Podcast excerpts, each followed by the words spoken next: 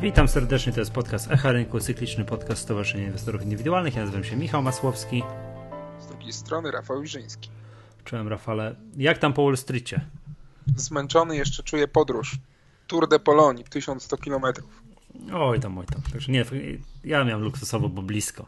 Także to w końcu, to przeniesienie do Karpacza to, to, to, jest, to jest fajna sprawa. Gdzie... Ale po drodze, nie masz, po drodze nie masz kilku spółek do obejrzenia, do wizytowania. No, no nie mam.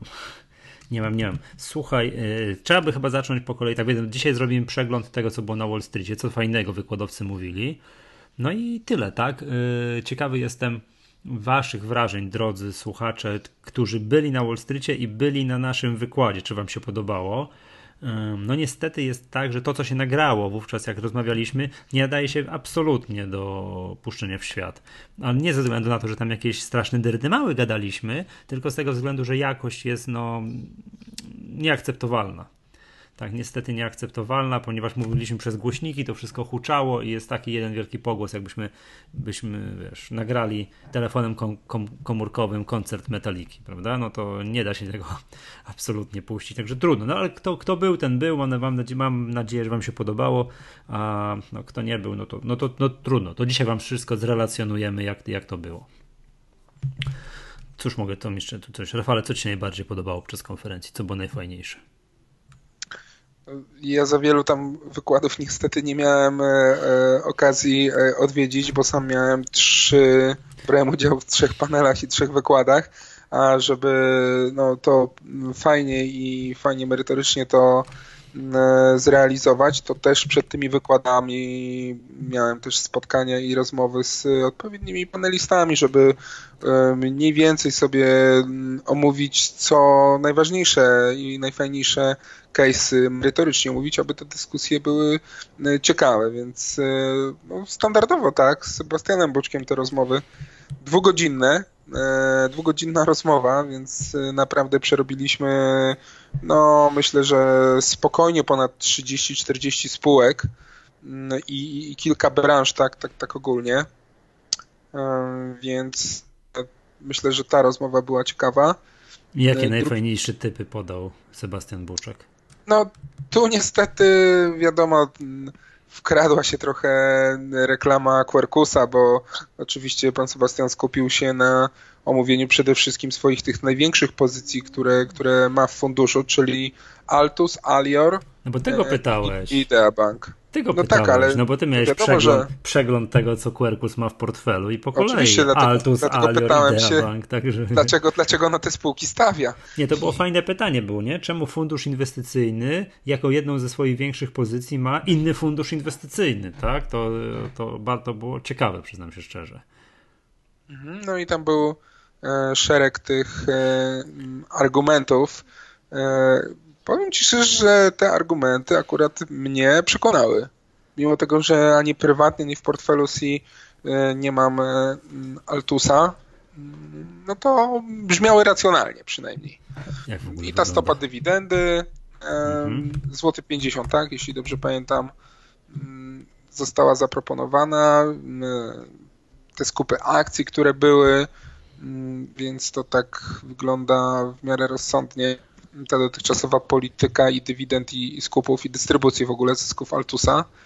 Mm. No bym ci, jak ktoś uwierzył w tego Altusa w 2014 roku, no to dzisiaj, no to dzisiaj jest prawie 100% do przodu, także to fajnie to wygląda. Tak, więc e, dużo było o deweloperach, że no dalej Quercus stawia na deweloperów i widzi, i widzi e, duży potencjał i tych argumentów, mimo tych rekordów budowanych czy sprzedawanych mieszkań rocznie czy kwartalnie, no to dalej po prostu nie ma sygnałów, żeby te rekordy nie były poprawiane. I tutaj e, było też wskazanie na to, że są dość wysokie dywidendy dalej płacone przez tych deweloperów i po prostu wzrost tak? Dobrze, dobrze kojarzę? Tak, tak, bo w Dom Development to jest największa pozycja Quercusa. No ale wykres do, Dom Development znowu z ostatnich kilku lat, no to to jest bajka, prawda? Nie dość, że dywidendy, to wzrosty, no nie, to tam marzenie każdego inwestora.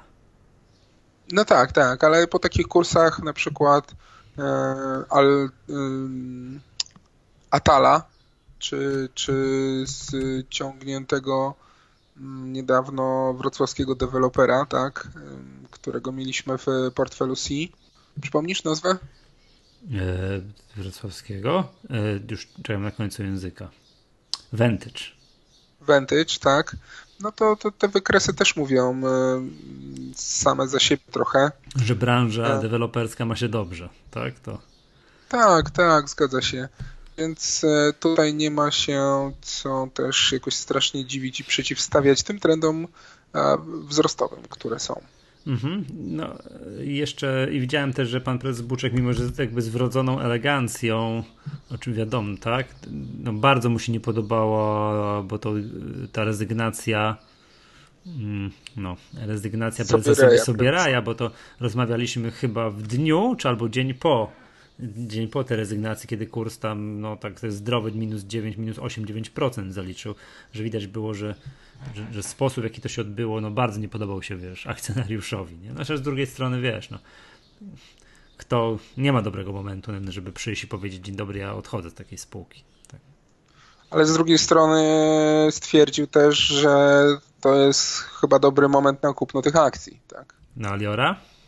Tak, tak, tak. Właśnie te, te, te spadki w wyniku, w wyniku rezygnacji prezesa i tam już chyba było, nie wiem, minus 8, minus 9 tak. E, e, od tej informacji i też e, podał kilka takich przykładów, kiedy no, były prezes PZU znany odchodził, to też tąpnęło Classic, e, i tak, tak dalej. Mhm. Tak, więc, więc e, kilka przykładów było takich, gdzie można było uwierzyć, że naprawdę gdzieś tam po tych spadkach można akurat ryzykować, tak.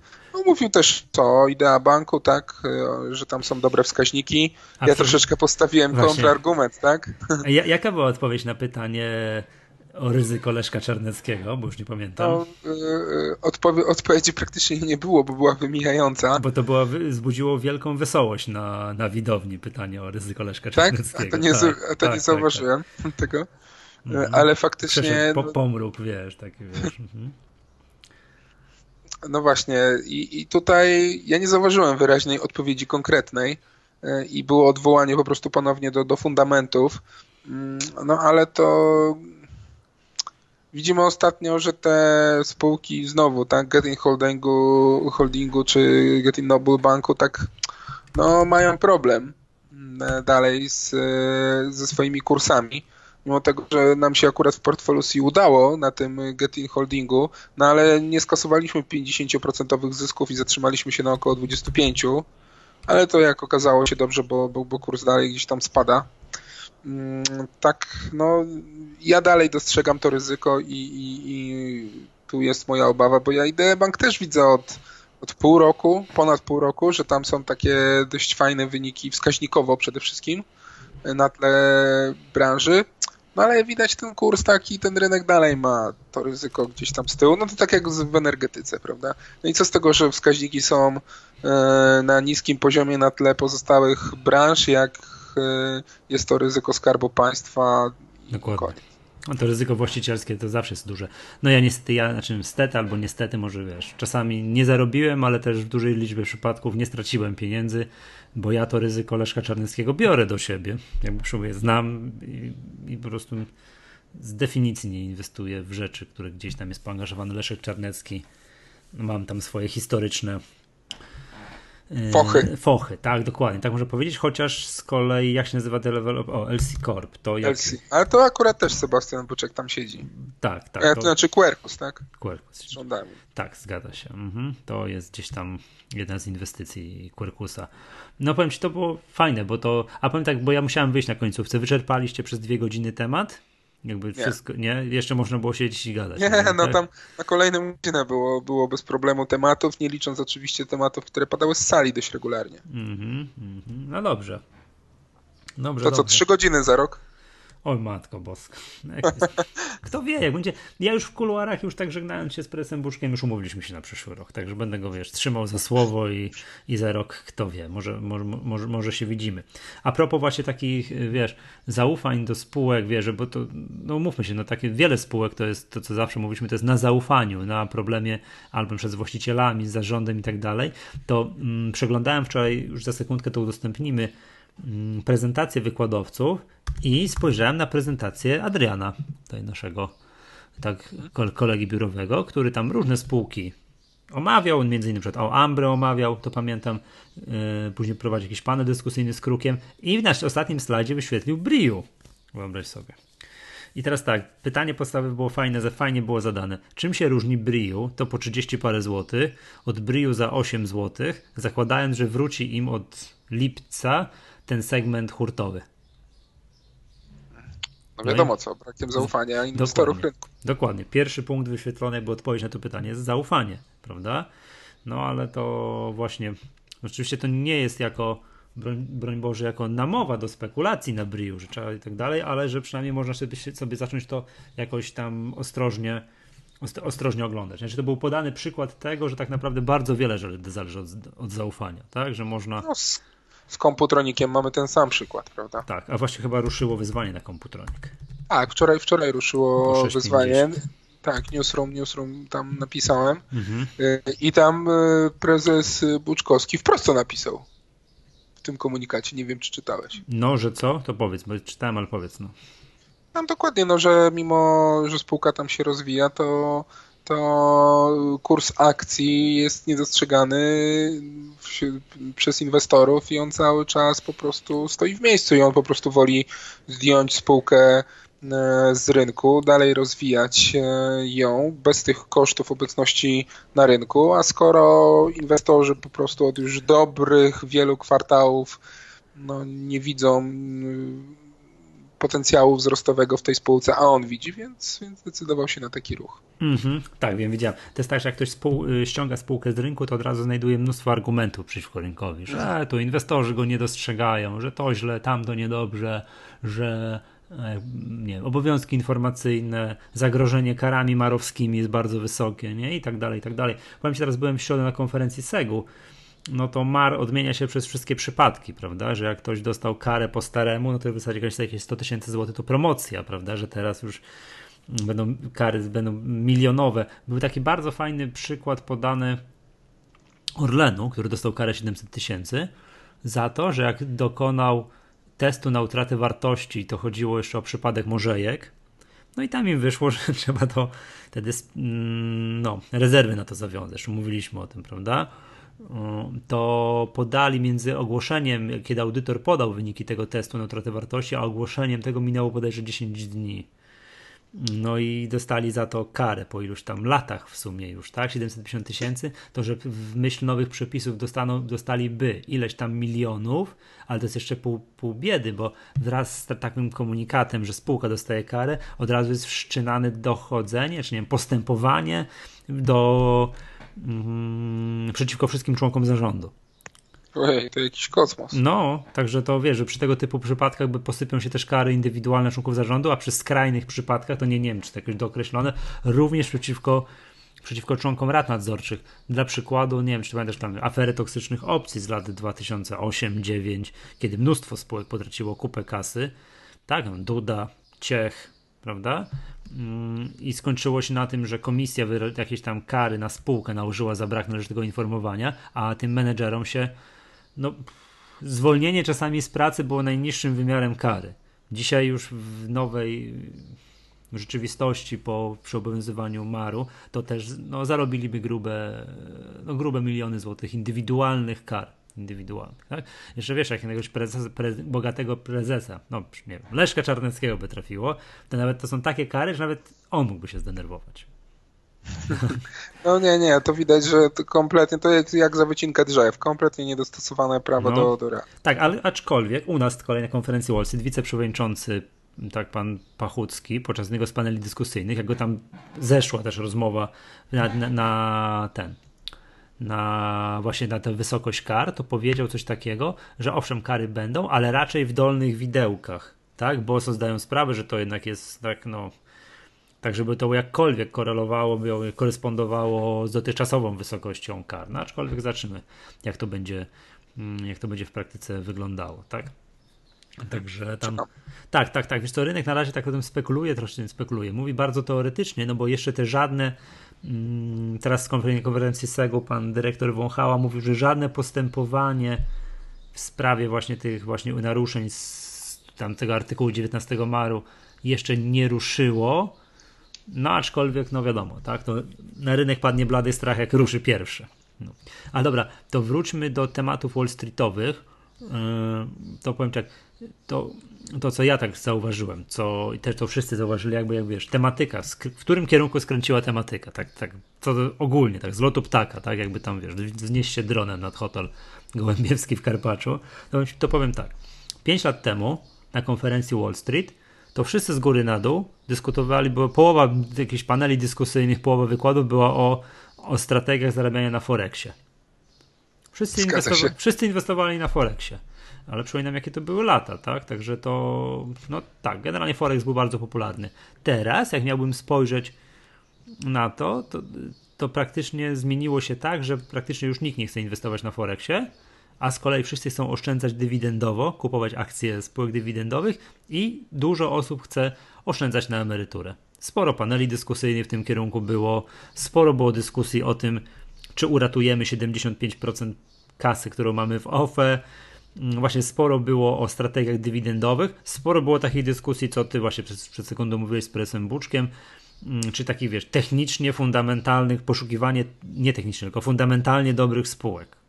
To, to, to tak jak miałbym powiedzieć, wiesz, w którym kierunku skręciła ta tematyka, no to, to, to właśnie w takim. No i fajnie. Dobrze, że mhm. nie było wieszczenia krachów i końca giełdy. Mm, prezes Kachniewski z Cegu tylko generalnie, on wiesz, potem nie wiem czy kojarzysz ten jego słynny wywiad w Forbesie, w którym udzielił jako wiesz, prezes Cegu, że teraz już niczego nie będzie, że zamienił się chwilowo w lokalnego Kononowicza, że giełda to w ogóle tam no, samo zło i tylko tutaj same problemy będą, ale tak poza tym, o, bardzo fajne spotkanie z prezesem Grzywińskim, który właśnie powiedział, że on ma dosyć tego narzekania, tak, że wiesz, wokół rynku, że to, już się źle dzieje i są same problemy, że on bardzo optymistycznie patrzy w przyszłość.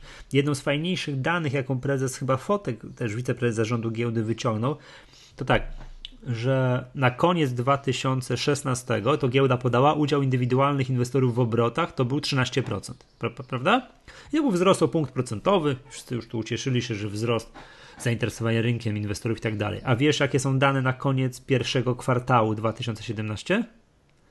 No słucham cię. 16% udział inwestorów indywidualnych w obrotach. To trochę mało. Jak? To szok. No ale kiedyś było pod 30. Nie, no ale nie mówmy, co było w latach 90.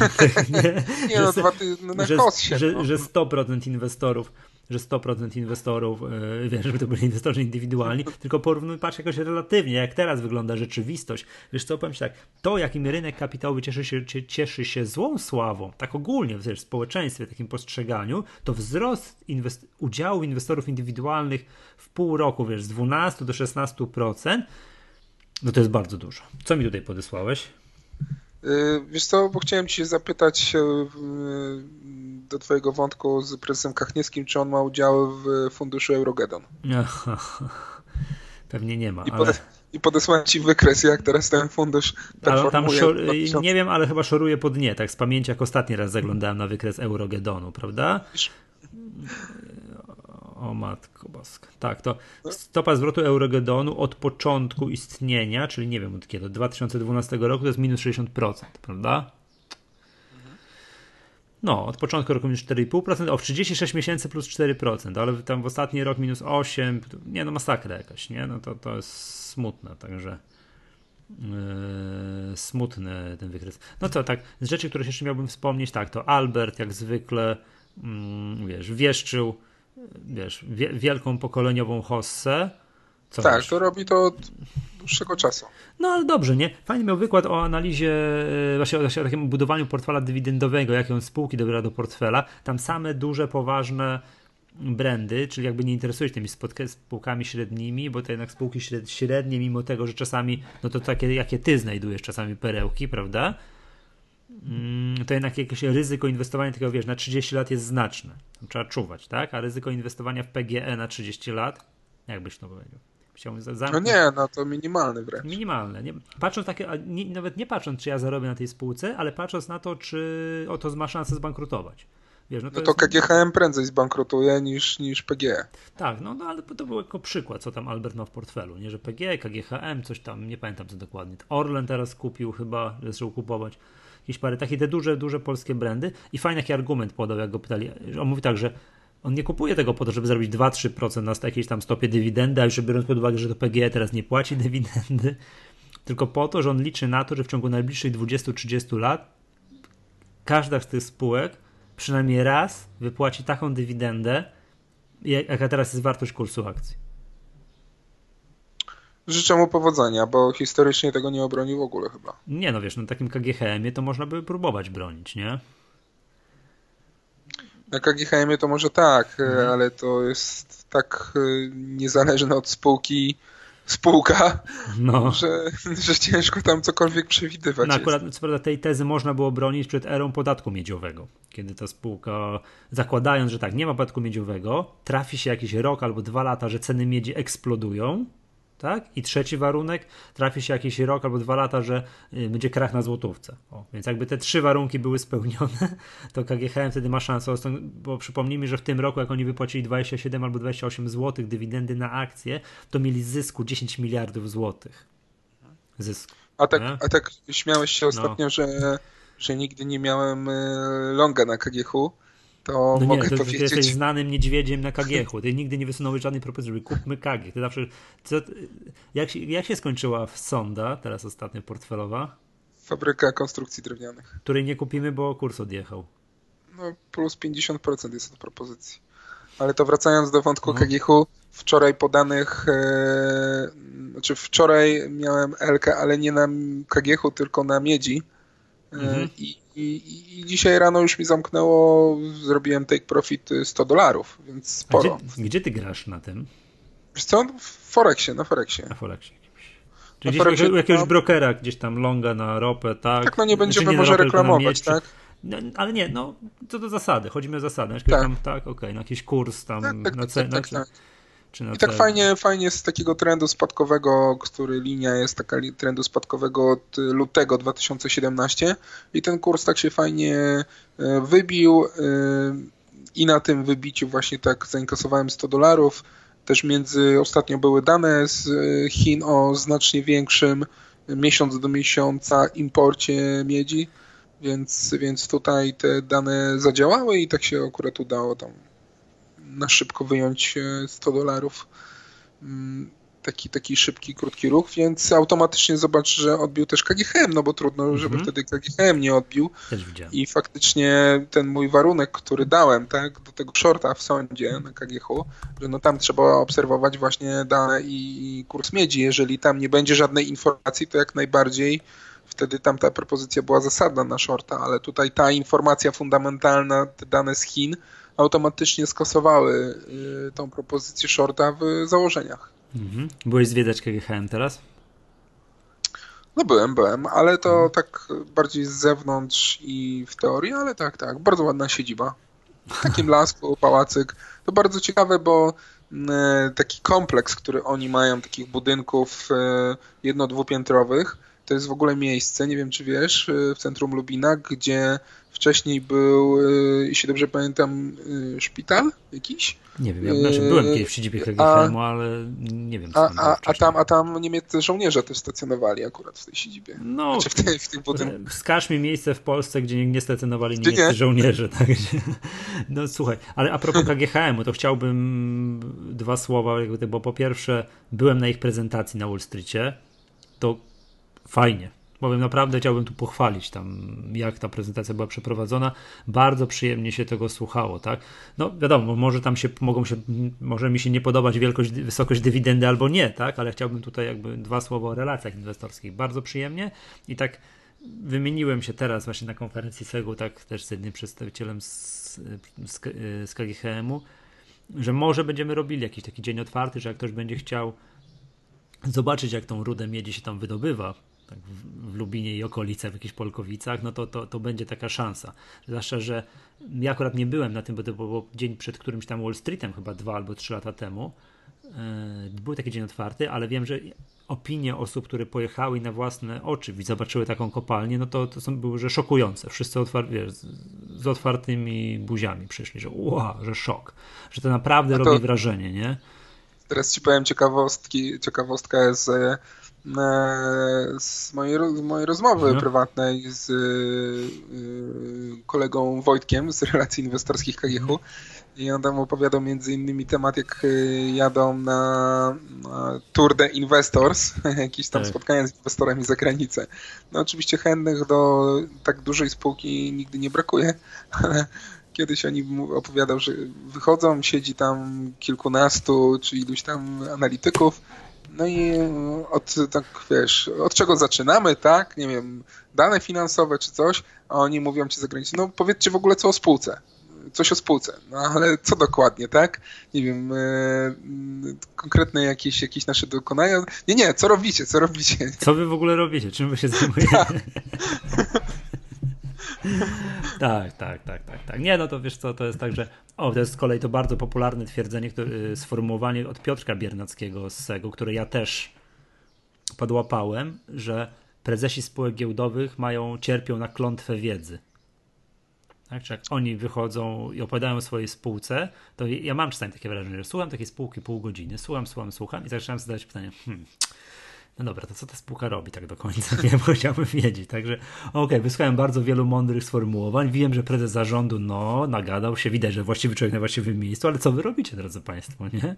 To czasami tak jest. Nie wiesz, oni mają, tak są przyzwyczajeni, tak są, wiedzą, że wszystko o spółce, że w ogóle nie przyjmują do wiadomości tego, że inwestor może zadawać trywialne pytania. Ale wiesz, że to, że inwestor indywidualny zadaje takie pytania, no, to można zrozumieć. No, nieprofesjonalny, gdzieś tam coś kupił, bo mu znajomy podpowiedział i koniec, nie? Ale że to, że inwestorzy mm, instytucjonalni, przedstawiciele jakichś funduszy zadają takie pytania, no to czasami już jest faktycznie powód do, e, powód do tego, żeby później opowiadać tobie, Rafale, takie, wiesz, dowcipy, nie? Mówię, a wiesz, Rafał, jak byliśmy gdzieś tam na roadshow, to nas pytali, co my w ogóle robimy, prawda? To już jest, wtedy już jest, wiesz, krążę opowieści po firmie. Mm, tak, tak, z tego punktu widzenia.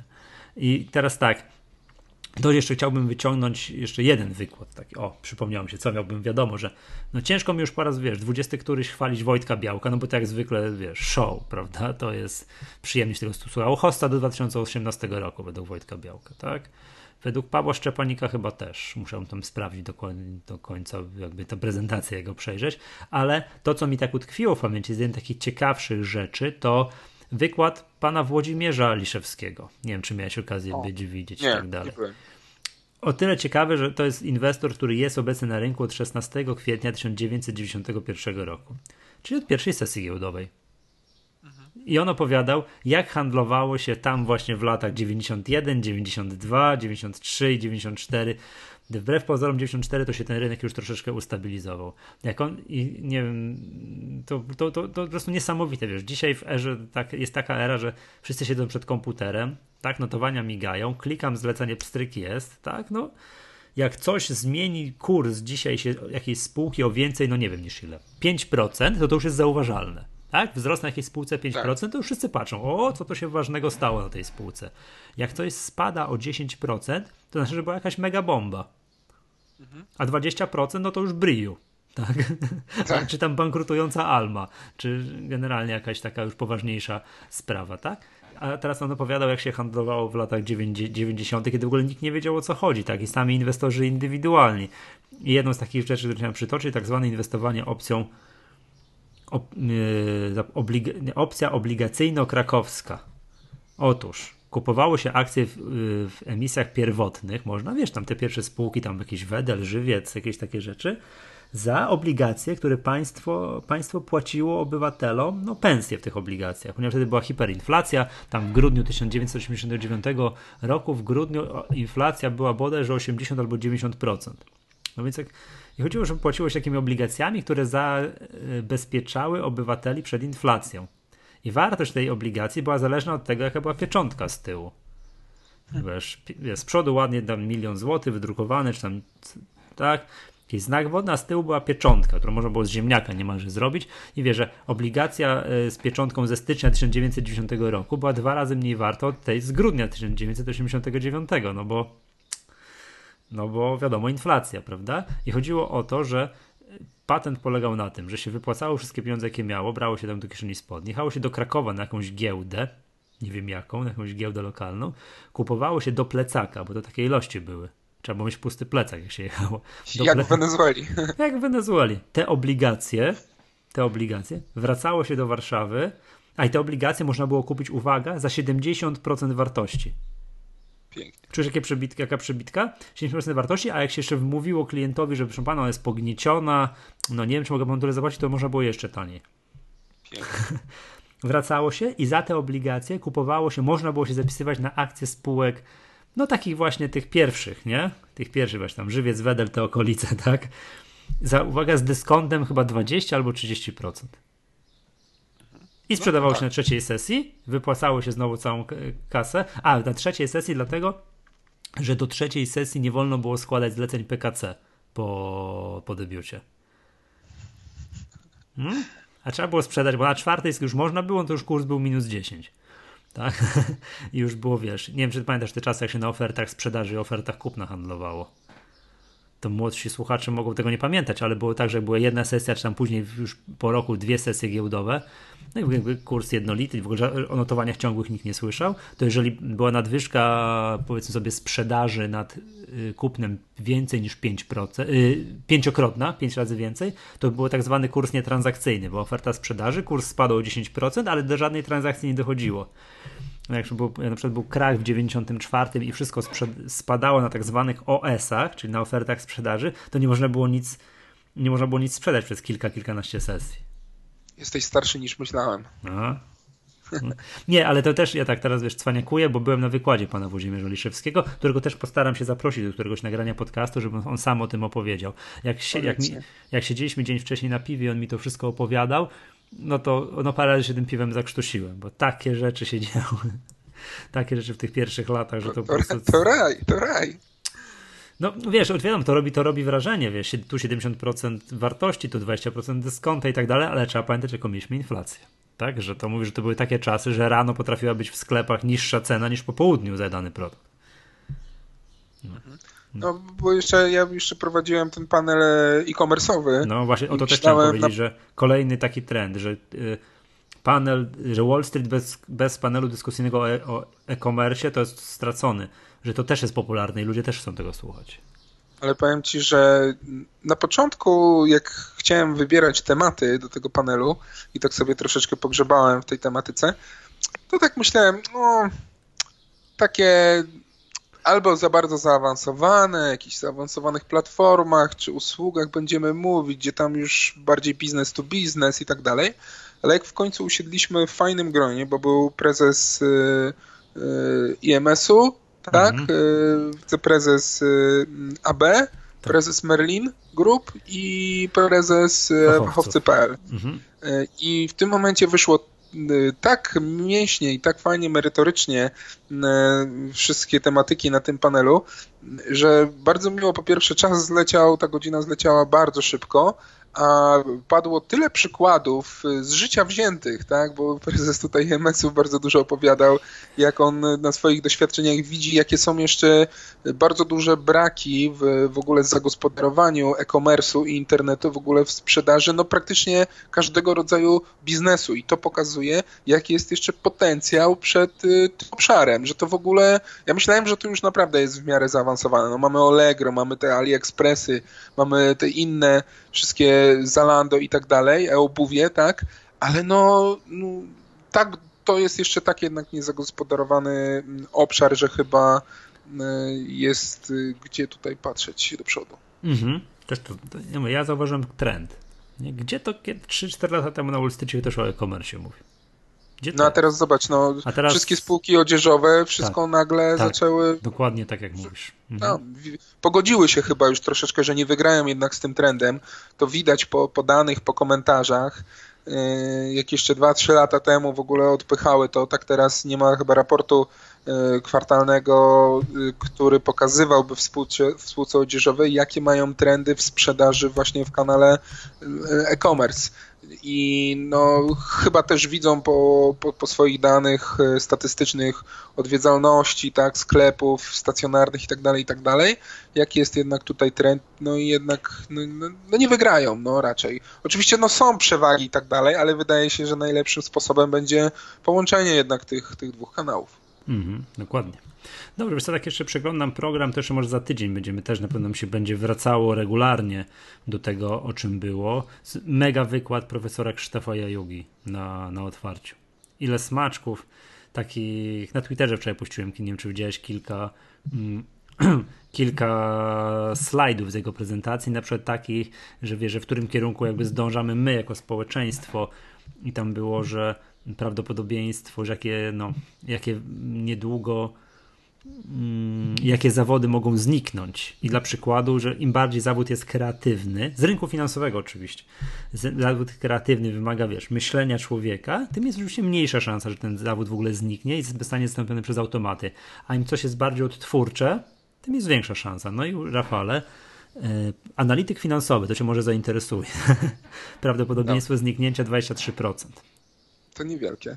Niewielkie. A przed dyrektor finansowy, to wszyscy się śmiali, jak ten profesor Jełga wyświetlił ten slajd, 7%. To jest dużo kreatywności jest potrzebne, żeby być dyrektorem finansowym. Tak, bardzo. Tak, ale z kolei audytor sprawozdania finansowego 94%. Czyli praktycznie tego zawodu już nie ma, nie? No i księgowy 97%. Nie? Takie, takie tak, wiesz, takie rzeczy, w którym wiesz, my zdążamy, nie? Jako wiesz, jako, jako, jako ludzkość. O, widzisz, nie włączyłem telefonu. Momencie. Muszę Dobra. Najmocniej przepraszam. E, dobrze. E, okej. Okay. To to mamy. Wiesz co, tak jeszcze przeglądam program, to jeszcze na pewno za tydzień jeszcze porozmawiamy, co nam się bardzo fajnego spodobało. Proponuję kończyć na dzisiaj. I tyle. Powiedz jeszcze to w takim razie ostatnie zdanie, skoro o portfelu, że tam ta fabryka konstrukcji drewnianych co prawda wygrała, no ale kurs tak odjechał, że tego nie kupimy. Czy coś w zamian za to wejdzie do portfela? Ono zgodnie z tymi zmodyfikowanymi przez nas 2-3 miesiące Nowe zasadami, temu tak. zasadami no to jeżeli no tydzień czasu trwa zlecenie na FKD po złoty 13, jeśli dobrze pamiętam, czyli po tym maksymalnym kursie z widełek. Jeśli to nie wejdzie, to wtedy no, moja skromna osoba jako zarządzającego tutaj zdecyduje, e, którą spółkę kolejną kupić, no bo to już będzie ponad dwa tygodnie od tych pier pierwotnych propozycji. To już jest tak dużo czasu, tak dużo rzeczy mogło się wydarzyć na poszczególnych spółkach, że już tutaj e, ode mnie będzie zależało, co kupimy. No postaram się zachować E, tą, ten, ten wynik z sądy, ale tu już będę sam brał pod uwagę te, te, te czynniki zmienne. Dobrze. No okej, okay, to chyba byłoby tyle na dzisiaj. Chcielibyśmy pozdrowić wszystkie osoby, które na Wall Streetie podchodziły i, i nas pozdrawiały. A to zawsze. Tak, bo to było mnóstwo bardzo fajnych takich sytuacji, że ktoś podchodził i tak rozmawiał ze mną, tak o, czuję się jakbym z, z, z radiem rozmawiał. No, czy ktoś poznawał nas po głosie. Yy, o, możemy na przykład pozdrowić, już mówię kogo.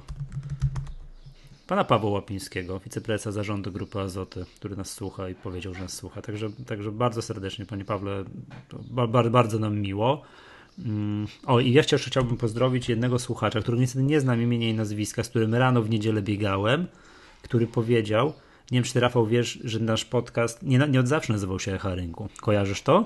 Nie, a jak inaczej? A właśnie, gdzieś tam na samym początku, już nawet nie wiem ile to lat temu było, z 4, 5 albo więcej. Nie, to było więcej. 6, 7, może 8. Nasz podcast przez pierwsze 6, 7 albo 8 odcinków nie nazywał się w ogóle. Nazywał się podcast C, bo nie mieliśmy dobrego, dobrego pomysłu na nazwę i prosiliśmy już pierwszych wówczas słuchaczy, żeby nam wysyłali te, te mhm. propozycje i tych propozycji, ja pamiętam, przyszło całkiem dużo, całkiem dużo i jednym z tych propozycji była nazwa Echa Rynku, która od razu wpadła, o, jest, to jest fajna nazwa. I ja no, teraz... No, jeszcze, że... I na bieganiu porannym w niedzielę to, tak dowiedziałem się właśnie, miałem okazję poznać tego słuchacza, który, który jest autorem tej propozycji, to chciałem bardzo serdecznie, bardzo serdecznie pozdrowić. A ja tylko dodam że z panem Pawłem Opińskim z Azotów wielokrotnie gdzieś tam się na korytarzu mijałem, ale akurat nigdy nie miałem możliwości gdzieś tam sobie zamienić parę słów zawsze gdzieś tam w biegu byłem i tak dalej, ale również serdecznie pozdrawiam i pewnie jeszcze nie będzie niejednokrotnie okazji. Nie, dokładnie. Dobra, to wszystko. Do, I do pozostałych jakby podsumowań wykładów to wrócimy no, chyba za tydzień, tak? Bo to też ja też przeglądam teraz program, to mi się wiesz, przy tym mi się coś mam skojarzenie. Tu bym coś fajnego powiedział, ale to byśmy jeszcze dwie godziny nagrywali, jak miałbym o wszystkim powiedzieć. Co mi się teraz przypomina, co, co fajnego było, co fajnego było na konferencji Wall Street. To co, wszystko na dzisiaj, tak? Wszystko na tak dzisiaj. jest. Okej, okay. to był podcast Echa Rynku. Nazywam się Michał Masłowski. Z tej strony Rafał Żyński. Pozdrawiam i do usłyszenia.